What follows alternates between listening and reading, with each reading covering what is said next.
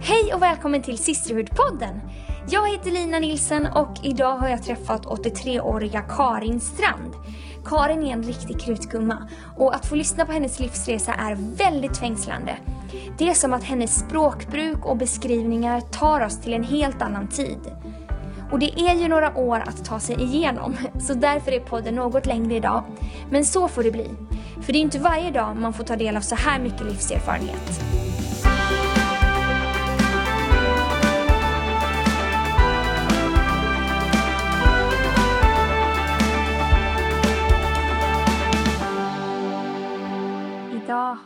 Fått komma hem till Karin Strand, en ganska ny vän eh, till mig. Tack för att jag får komma hem till dig idag Karin. Det är trevligt att du vill hälsa på mig. Jag uppskattar det mycket. Så får jag fråga dig, eh, var någonstans drog du ditt första andetag? Jag föddes i en liten eh, by norr om Vasa i Finland. Så jag är finlandssvensk. Din dialekt avslöjar dig lite grann. Eh, Om man ska vara under 20 sägs det om man emigrerar om man ska få bort dialekten. Och jag har faktiskt inte vinnlagt mig om det utan jag låter det vara som det är. Jag tyck- funnits tillräckligt med jobb ändå. jag tycker det är jättefint. När föddes du? Jag är född i februari 1934. Så att jag är 83 år nu. Eh, när flyttade ni till Sverige? Vi kom hit eh, sex- 1962. Jag kom första december med våra två barn, Helena och Thomas. Och min man åkte sex veckor tidigare, så han kom väl i oktober någonting 62. Men eh, hur var det att växa upp i Finland på den tiden? Ja, det var ju kriget då som, alltså jag, jag föddes ju före kriget så jag minns ju bombningarna, jag minns eh, soldater som gömde sig vid vår lagård och som, eh, som var på väg till Sverige illegalt och det var, ja det var mycket. och det var mycket oroligheter. Jag kommer ihåg en gång att jag var i ett ärende till posten, jag var väl tio år, ja nej, kunde jag ha varit tio, ja, nej. Ja, det var alltså året innan freden tror jag. Jag var på väg, det är sju kilometer till närmaste post och jag cyklade och, och cyklade på, tillbaka på fel sida minns jag. Och det var på hösten och det var högt gräs och precis, precis då kom en soldat upp precis bredvid mig och jag blev så dödsförskräckt. Bara, liksom bara klädseln. Alltså han var ju en ung kille, det var ju inget farligt men jag och frågade om jag hade sett några poliser i Munsala. Nej, sa jag. Fast jag skulle ha sett tusen så skulle jag inte orka säga något annat. Jag bara... Sen cyklade jag iväg så när jag kom fram sen till första gård och stannade så kände jag blodsmak i munnen. Så rädd var jag. Och det var ju ingenting, det var ju bara en kille som, var, som hade deserterat. På slutet blev det så att de orkade inte åka tillbaka till fronten. Utan de gömde sig i skogarna och försökte komma över till Sverige på något vis, de här finlandssvenska pojkarna. Kommer du ihåg hur det var när de sa liksom att nu är det fred? Det kommer jag ihåg och det var väldigt, då sa ju människorna så här, det kommer aldrig mer att bli krig, aldrig någonsin mer kommer någon människa vara så dum som de startar ett krig. Nu har vi ju haft fred här sen men det finns ju andra ställen där de har krigat. Men det var, alla liksom hade, alla såg framåt och de, alla, all, liksom alla vindar blåste uppåt och jag minns precis att i det sammanhanget då började mina föräldrar prata om att du ska till skola, du ska till stan till samskolan. Och, och, och de ville liksom satsa på någonting. De ville liksom gå vidare och, och försöka få, för, för det var ju bara vanliga fattiga bönder ute där, eller inte bönder ens, de hade bara småbruk och, och min pappa var snickare. Och, ja. Så då fick jag höra att jag skulle ha möjligheten att börja i stan i skolan och då måste jag bo hos en släkting till min mamma, ett äldre par som, som eh, jag fick bo hos och de fick betala en liten slant för det. Och så gick jag i skola i stan i fem år, en sån här realskola då som, eh, ja vad ska man säga, det är inte samma idag men det, det var inte studenten men det var mellan, mellanstadien. Ja, och det var då jag kom i ko- kontakt första gången med, med folk som var troende. Därför att de här, mina, min mammas släktingar, de tillhörde Missionskyrkan i Karleby och tant Hanna hon tog mig med varje tisdag till, till juni, junior, hette det väl kanske där, samlingar. Och på söndagarna åkte jag hem med bussen eller cyklade hem. Så att jag var ju aldrig på ett möte på, på söndagar. Men på tisdagar var jag alla dessa år. Och sista året så kände jag bara nej nu måste det hända någonting. Det måste, jag kan inte åka härifrån. Jag känner ingen som är troende. Jag kommer att förlora allting. Och då hade jag liksom kommit så långt i min tro att jag läste Bibeln varje dag och bad varje dag. Liksom jag kände bara att nu, nu måste jag ta ställning.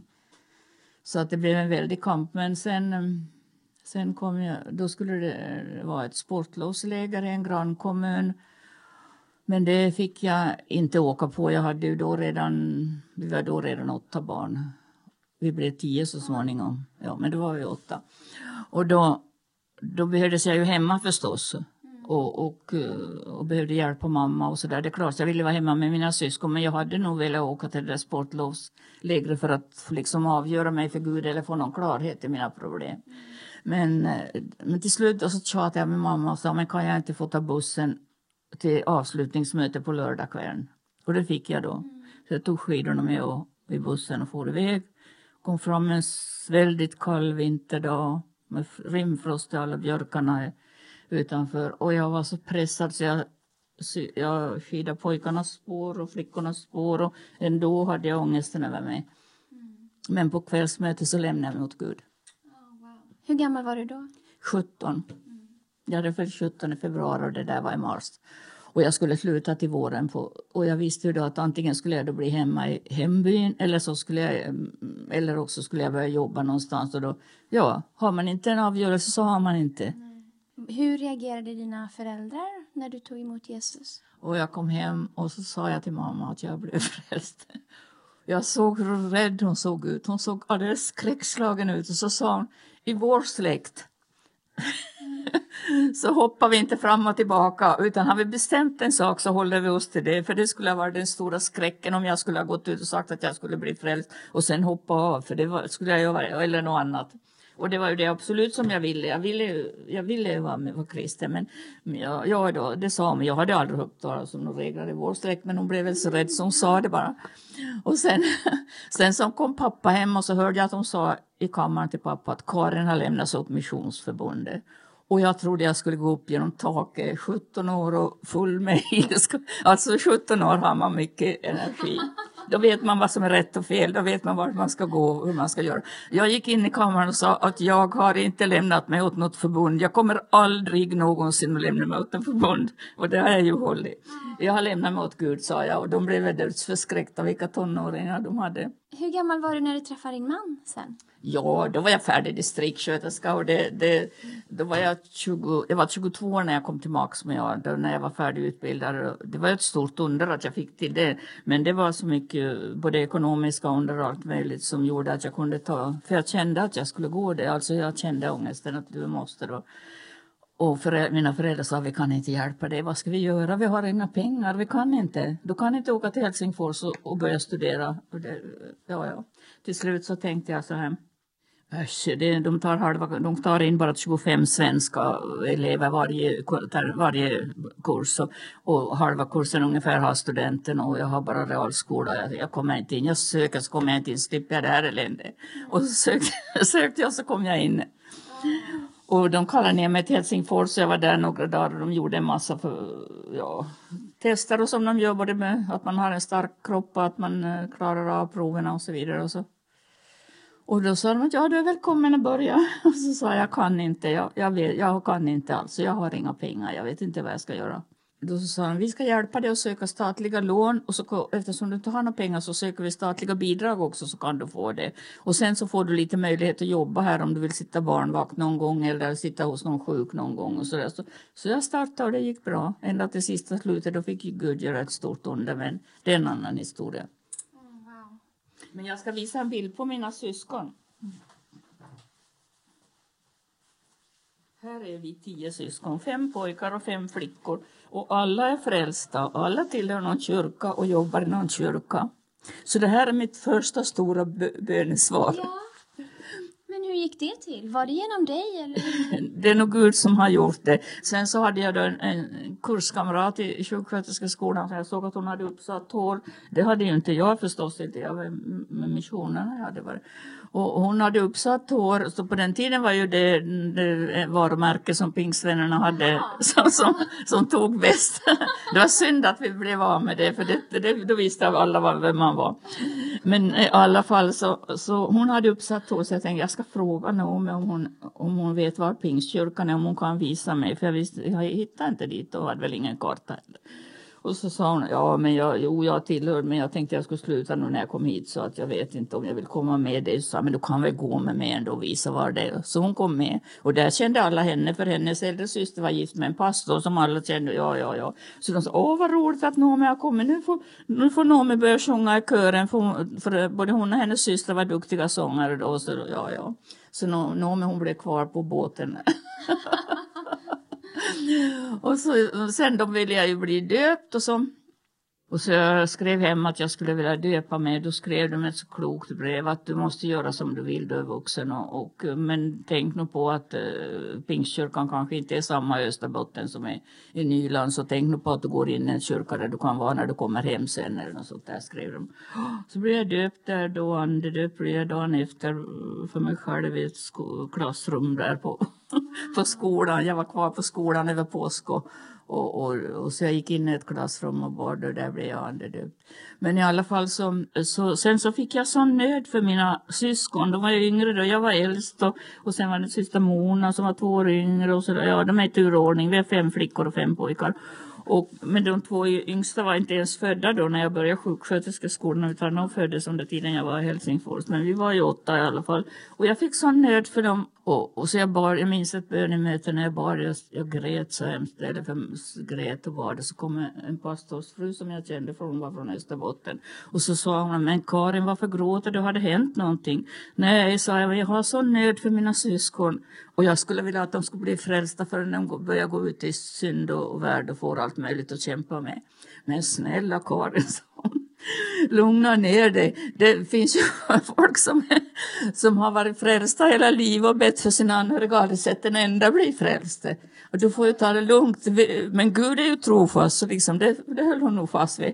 Ja, men så vill jag ju inte ha det. Så, men det blev också faktiskt efter det så blev det så konstigt. Jag kom hem en gång på en, en veckas semester. Vi fick ofta semester mitt i vintern eftersom vi jobbade på sjukhusen som personal. Och sen fick jag höra att det var två flickor som hade varit i Jakobstad och jobbat som hade kommit till tro. Och så jag gick hem till dem och vi, hade, vi, vi träffades hos den ena flickan. En, den ena hade gått i samma klass som jag och den andra var ett par år äldre. Och vi träffades och läste Bibeln och bad en kväll där. Och, eh, och sen så såg vi att det var annonserat att det skulle vara någon som hette Kvammen, en norsk pastor som skulle vara i baptistkyrkan men det var tre mil dit och jättekallt och mycket snö. Och, ja, ja, det är inte så lätt att ta sig fram på sådana där ställen. Och, men så bestämde vi att vi skulle så hemskt gärna vilja åka på det där. Så vi sa så där, men vi tar en taxi, vi, vi gör det, vi får slå på stort. Och så skulle jag då ringa det där för vi hade telefon hemma. Och, ja, ja, så enda taxin som fanns i bilen var upptagen. Han skulle till dansen förstås med dem så det fanns ju ingenting. Men så tänkte jag, men vad ska jag göra? Men så, och det var inte så många som hade bilar heller. Men min faster, yngsta faster, så hon och hennes man de hade bil. Och så tänkte jag, när jag ringer till Birger Holm och frågar om han skjutsar oss, för han var ju hygglig och sådär. Ja, det är klart jag kan skjutsa flickorna, sa han sådär lite retsamt. Och så åkte vi iväg och så kom vi fram så sa han, men det är nog så kallt här så jag kan inte sitta i bilen och frysa. Jag måste få komma in. Och så sa vi, det är klart du får komma in. Och så satt han sig längst bak vid kaminen och vi gick väl hur långt fram som helst, jag minns inte, det var så långt vi kom förstår jag. Och, och sen när, när mötet var slut och kvammen inbjöd till frälsning så gick Birger Holm fram och lämnade sig åt Gud. Han var en stilig kille i 35 års ålder och så och, och, och, han gick fram och böjde knä vid första bänken och lämnade sig åt Gud. Och sen när vi åkte hem så tackade vi Gud och grät hela vägen och så sa han, ni tror jag är tokig sa men det här har jag längtat efter så många år. Men jag har inte vetat hur jag skulle få till det. För hans pappa var död och han hade tillhört missionskyrkan och mamman tillhörde också missionskyrkan. Och han blev en pelare i församlingen. Och nästa dag var jag tvungen att åka till Helsingfors igen och i Birgerholm. Han fortsatte och tog bilen full med folk varenda kväll till varenda möte han kunde och olika så det blev flera av mina kusiner. Min äldsta bror Börje blev frälst som var fem år yngre än jag och det var flera andra, flera kusiner. Ja, som, och hans fru, min faster och det var, varje, varje kväll blev någon frälst. Och Kvammen han var tvungen att, att fortsätta en vecka längre på den där serien än vad han hade tänkt. Och, ja, ja, det blev stommen. Genom det så kom de till tro. Alltså så småningom, de började gå i baptistkyrkan och de blev döpta och, och det blev mina föräldrar också döpta och, och kom med allihop. Så det här är mitt stora tacksägelseämne. Tänk att allt det där hände för att du skulle få gå realskolan. Och så blev du frälst. Ja. Och sen så... Ja, så kom det ena efter det andra. Ja. Så kom jag till, så blev jag färdig distriktssköterska. Vi var en fem, sex flickor från Österbotten som gick den specialiseringen. Den var lite längre. Vanliga sjuksköterskespecialiseringen var sex månader men den var nio månader. Så, men det skulle jag ha. Den skulle jag ha. och så, så vi gick där i, i ja, jag var ju med i Philadelphia, Stockholm, eller Philadelphia, Helsingfors hela tiden som jag bodde där, de där tre och ett halvt år. Och, och sen då så skulle vi bli färdiga och det fanns två tjänster som man kunde välja på och jag visste direkt att jag skulle söka en kommun lite norrut där. Som var, där hade jag under tiden jag var, jobbade i Jakobstad lärt mig känna några kristna ungdomar som kom därifrån. Och jag tänkte åh vad underbart att få umgås med dem och det, den tjänsten ska jag söka. Så då var det så här att jag hade en kurskamrat och hon var dotter till en, eh, till en missionspastor från Jakobstad som hade hjälpt mig väldigt mycket när jag var nyfrälst och hans fru. Och de tog hand om mig jämt och det var så fantastiskt med mig och så där vidare. Och deras yngsta dotter hon skulle gå i samma samma sjuksköterskeskola som jag. Men hennes mamma var så dum så hon sa så där när vi skulle åka iväg första gången med tåget så sa hon, och jag är så glad att Karin är med som kan ta hand om Rut. Med den påföljd att Rut hon trodde att jag var någon polis som övervakade henne. Hon liksom avskydde mig på något vis. Hon var inte snäll mot mig alla gånger. Det var inte någon farlighet, ingenting som jag led av. Men det var lite sådär att hon, ja, jag frågade henne, vill du komma på möte? Aldrig i livet och, och det, inte med mig säkert. Och, och då så så, så var det så här att, att då säger hon då mitt i allting, ja men jag ska också söka den där tjänsten i Pormo. Hur skulle jag kunna söka den då? Så, så, det var ju närmare hennes hem, hem eh, och hennes föräldrar. Och skulle jag söka ta en tjänst framför näsan på hennes föräldrar som hade hjälpt mig så mycket när jag var nyfrälst och sådär. Jag kunde ju bara inte det. Och jag blev så jätteledsen. Jag gick högst upp en trappuppgång och satt mig på översta trappan och grät som man gör när hela världen är emot en om man är bara 22 år. Och jag var så arg för det. Hon, vet, hon har vetat hela tiden att jag ska söka den här tjänsten och hon har inte sagt ett ord. Och det är bara, oj, men jag hade skrivit ansökan men jag hade inte hunnit skicka iväg den om jag inte hade någon frimärken hemma eller vad det var, jag vet inte. Och där satt jag och tjurade en stund och tyckte att hela, hela världen var emot mig och alla var orättvisa och varför ska jag alltid åka ut för en massa. Och sen så, så tog jag mig samman så gick jag ner och så skrev jag en ny ansökan till den andra kommunen som hette Maxmo som jag inte visste någonting om. Jag visste knappt var den låg, kände inte en människa där och skickade iväg den ansökan snabbt som ögat och fick den tjänsten. Sen visade det sig att hon sökte inte den där i Pormo då, men hon kom dit senare när hon blev äldre, men hon sökte inte det. Hon hade bara sagt det för att hon skulle kanske bråka med mig lite. Eller jag vet inte. Men i alla fall så fick hon bli ett redskap i Guds hand fast hon inte visste det. Jag kom till Maxmo och, och det var min stora lycka för där träffade jag Ragnar när jag var 22 år. Vi höll söndagsskolan eh, ett halvår tillsammans. En, en kväll när vi gick hem från ett möte på en ö långt borta, det var svinkallt, så gick vi hand i hand därifrån minns jag. Det var slut. Vad jobbade han med? Ragnar han var, hade börjat utbilda sig till elektriker men de hade så dåligt med jobb så han, hade, fick, han jobbade lite på byggen och så, och så, mm, vad ska jag säga, så hade hans mamma en ko och lite eh, kalvar och sådär. De hade lite jordbruk och så han hjälpte henne med jordbruket och han var två år äldre än jag då så han var väl 24 och så tog han väl de jobben som var. Ibland var han i Vasa och, och, och lastade någon lastbåt i hamnen och ibland var han på någon byggen och sådär. Han fick inte så mycket jobb. Sen gifte ni er lite senare. Sen, sen gifte vi oss när jag var 24. Vi förlovade oss först och sen gifte vi oss när jag var 24.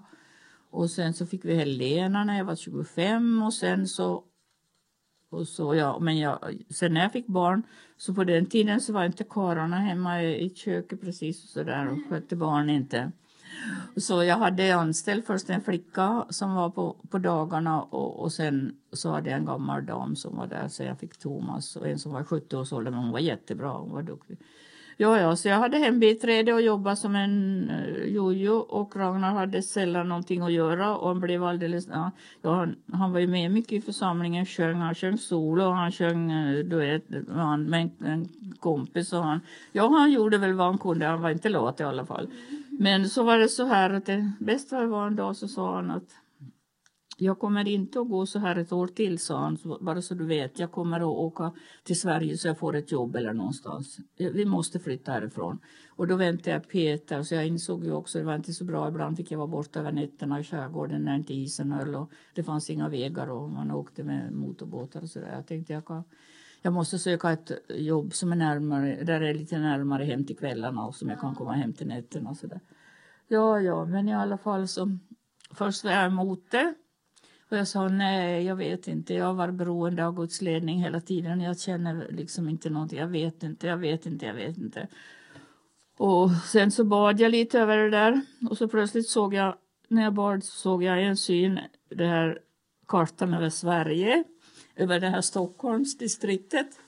Wow. Och som det är som en liten utbuktning över Stockholm på kartan. Och, och så en, en ljus som lyste klart på det där och så en röst som sa, där ska du vara om du ska med när Jesus kommer. Då teg jag. Och jag sa, jag, orkar inte berätta för Ragnar, så jag sa, åk du, jag kommer efter. Och så sa jag upp tjänsten och så blev jag graviditetsledig samtidigt. Och så han åkte i oktober och sen avvecklade jag vårt hem där och så tog jag ungarna med mig till Arlanda. vi kom med flyg till Arlanda då. Så kom, vi åkte till Avesta. Vi åkte ju inte hit som, jag, som det synen som jag såg. Nej. Men eh, men vad vet man, det var det enda jag hade att gå på liksom. Mm. Så kom, kom vi hit då sex veckor innan Peter föddes till Avesta och Ragnar han for hit en, en lördag. Han hade inte ordnat någonting för sig mer än att hans bror skulle hämta honom på Arlanda och det gjorde han. Och, och på måndag fick han börja jobba på ett byggföretag i Avesta. Det var lite skillnad. Mm. Så han började jobba där på en gång så ordnade han en bostad tills jag kom och så. Men när vi hade varit där kanske jag var lite mer än ett halvår, det var inte ett helt år ens, så sa de upp en massa människor på järnverket och då, då, fick, vi, då fick han välja på att åka till Märsta eller till Saltsjöbaden. Och först så valde han Saltsjöbaden. Vi var här en, en gång, han och jag hade barnvakt hemma i Avesta så vi var och tittade på det i Märsta och på Saltsjöbaden och jag trodde jag skulle bli sjuk när jag kom på vägen till Saltsjöbaden. Det var så, jag kände bara som en tung börda över mig men jag sa ingenting. Jag tänkte nej, jag ska inte säga någonting. Det är Ragnar som ska jobba, han som ska bestämma. Han lovade att vi skulle komma, han skulle komma dit och han fick ett rum där och de skulle ordna lägenhet för oss sen och så vidare. Och så kom vi hem till Avesta efter ett par dagar så kom han hem från jobbet och så sa han, vet du vad jag har gjort idag? Nej, det är svårt för mig att veta vad du gör på jobbet. så sa han, jag har ringt till Saltsjöbaden och sagt att jag kommer inte och så har jag ringt till Märsta och sagt att jag kommer. Mm. Okej, okay, då, sa jag, då, då, då berättade jag om att jag hade sett den där synen redan när vi får från Finland. Mm. Jag hade inte berättat det förut. Man är ju så rädd också att det ska vara något fel. Alltså ingen profetia eller syn är ju rätt förrän den har gått i uppfyllelse. Så man är ju lite rädd, men jag visste ju ändå vad jag skulle hålla mig till. Så det var väldigt bra. Vi började gå med på möten här. Det var väldigt lite folk och det första vi tänkte på när vi kom så tänkte vi, de hade ett litet hus som såg ut som en Ja, som en sån svenska trähus, fyrkantigt hus som de hade byggt en liten estrad till vi kan ju inte ha, det kan ju inte vara så här när folk flyttar in dagarna ända, flyttar folk in på det, i det här samhället. Och det kom ju folk från olika håll och frågade efter pingstkyrkan och så där. Och det var ju ingenting att vara i. När Ragnar och jag satt med ungarna emellan oss så tog vi ju en hel bänke. Så mm. litet var det. Och så började vi då dra på att vi skulle vi måste bygga en kyrka. Nej, det var en äldstebroder som var, sa till mig att du får sluta med det där. Det är, det är så att det här duger gott och väl för oss här. Mm. Blev... Men han tänkte inte på de andra som inte var där? du vet, man kan bli hemmablind. Ja. Man kan bli tycka att men det här är så bra, det duger bra för mig det här. Mm. Men de såg inte det där. Oj, oj, oj. Men vi fick ihop den kyrka och när vi hade haft den tio år hade vi den betald. Ja, ja. Får jag fråga, bara gå tillbaka lite. Var det vanligt att man gjorde som du gjorde, att du fortsatte jobba när du fick barn? Och att du hade mm. Var det vanligt att man gjorde det eller var de det- flesta hemma? Jag hade nog inget annat val. Vi skulle inte haft någonting att leva på annat. Det var nog så, alltså det var dåliga tider i Finland och det var och, de, och dessutom så var vi väldigt efterfrågade. Och det har jag varit i Sverige också när man erbjuder mig tjänster som man tror inte att det är sant men man måste ju ha förstånd själv och säga att jag måste ta hand om min familj, det är väl det viktigaste.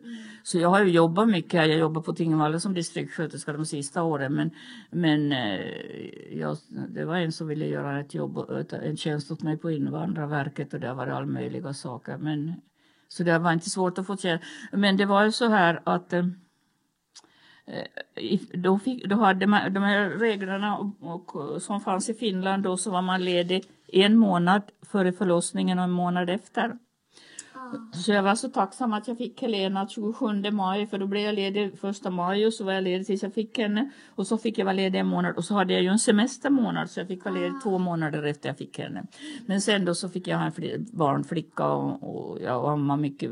Thomas ammade nästan helt på nätterna så den här gumman som skötte, eller damen som skötte om honom hon sa jag förstår inte mig på den här ungen han sover hela dagarna han äter ingenting. Nej sa jag han ammar var fjärde timme hela nätterna. Men så var det, men man, man var ju ung då och orka. Det kan man inte när man är gammal. Nej, och sen när jag kom till, hit till Sverige och fick Peter så fick jag vara ledig ett halvår. Det var vilket, men jag var nog inne och jobbade på Avesta lasarett några nätter ändå. Men i alla fall, det var ju fantastiskt. Är helt annorlunda. Helt annat. Ja, ja, ja.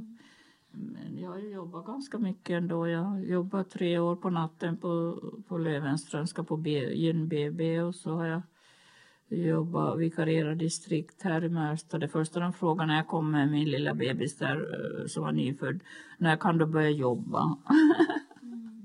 Wow. du var efterfrågad. Ja, ja, ja, ja, ja. Det var ont om sjuksköterskor. Speciellt. Och då direkt så frågade de, har du haft barnavårdscentral?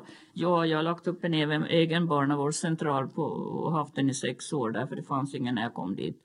Åh, när kan du börja, sa de då. Ja, ja. Så det kan man säga. Och Ragnar fick ju jobb direkt och han började på elektriska då här och så fortsatte han det till som, som vad heter det, lärling tills han var, kunde själv åta sig sådana elektriska jobb. Får jag fråga, vad...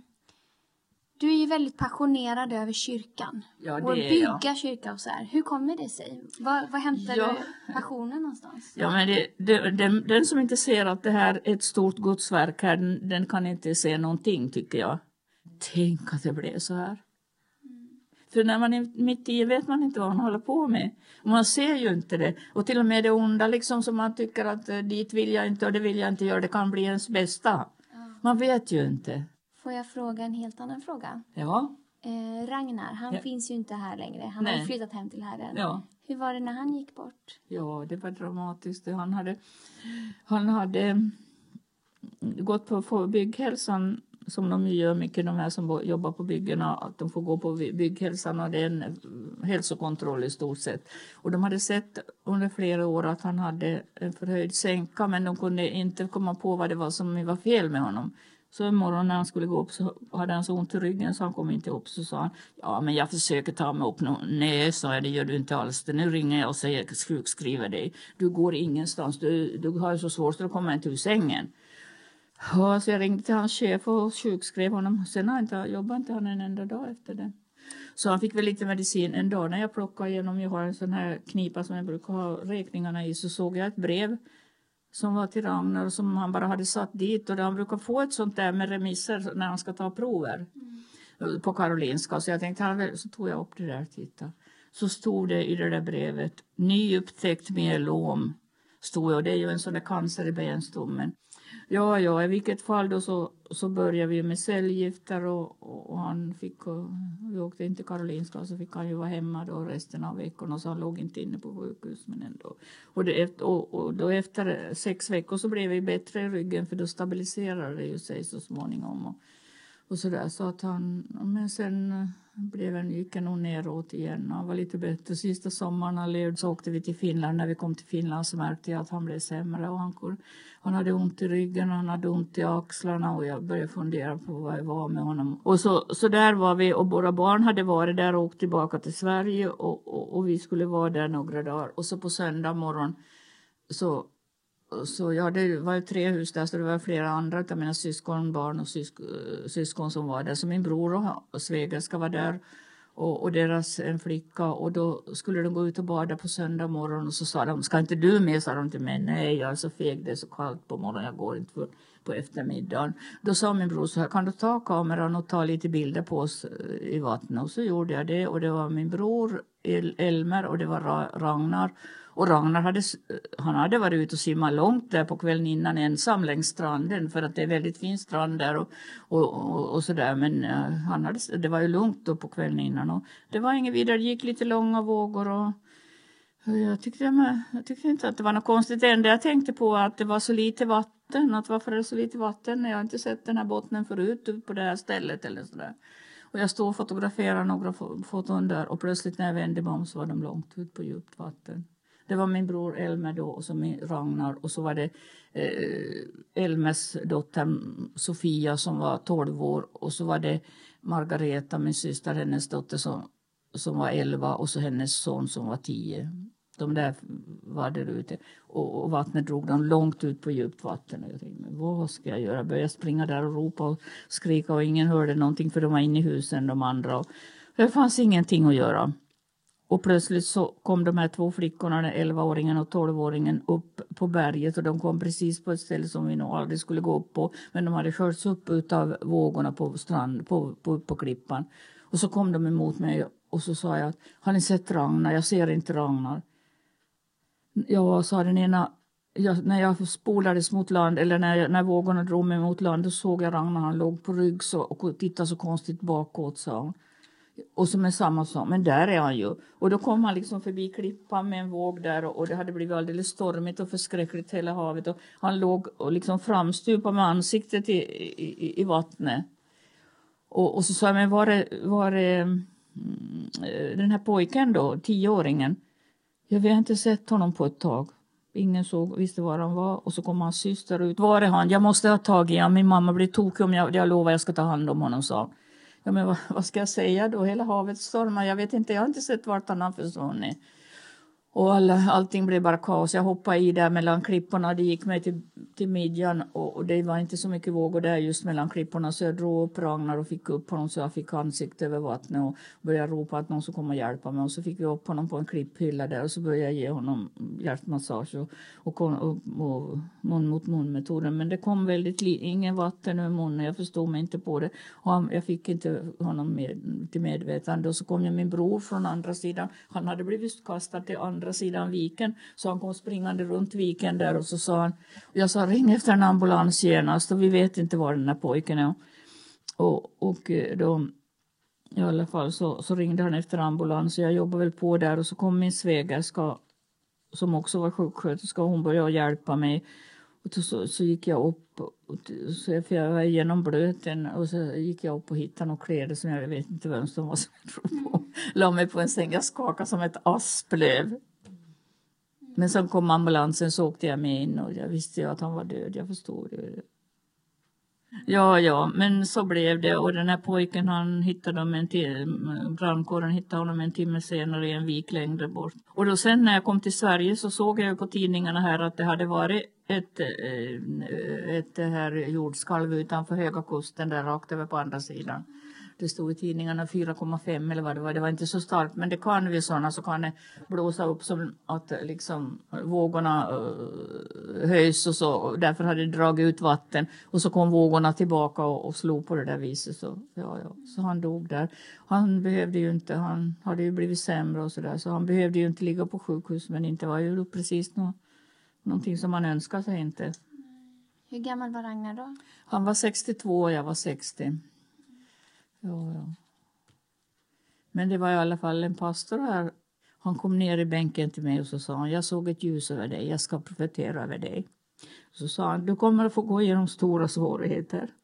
Men du ska veta att Gud är med dig. Wow. Så det var bra att kunna lita sig på det när han kom. Mm. När det var som värst så var det inte så roligt. Det var det inte. Vad, vad gjorde det med din tro? Ja, jag visste ju att Gud var med mig. För han, ja, han hade till och med brytt sig om att skicka ett meddelande till mig. Jag menar, eh, man stärks i tron.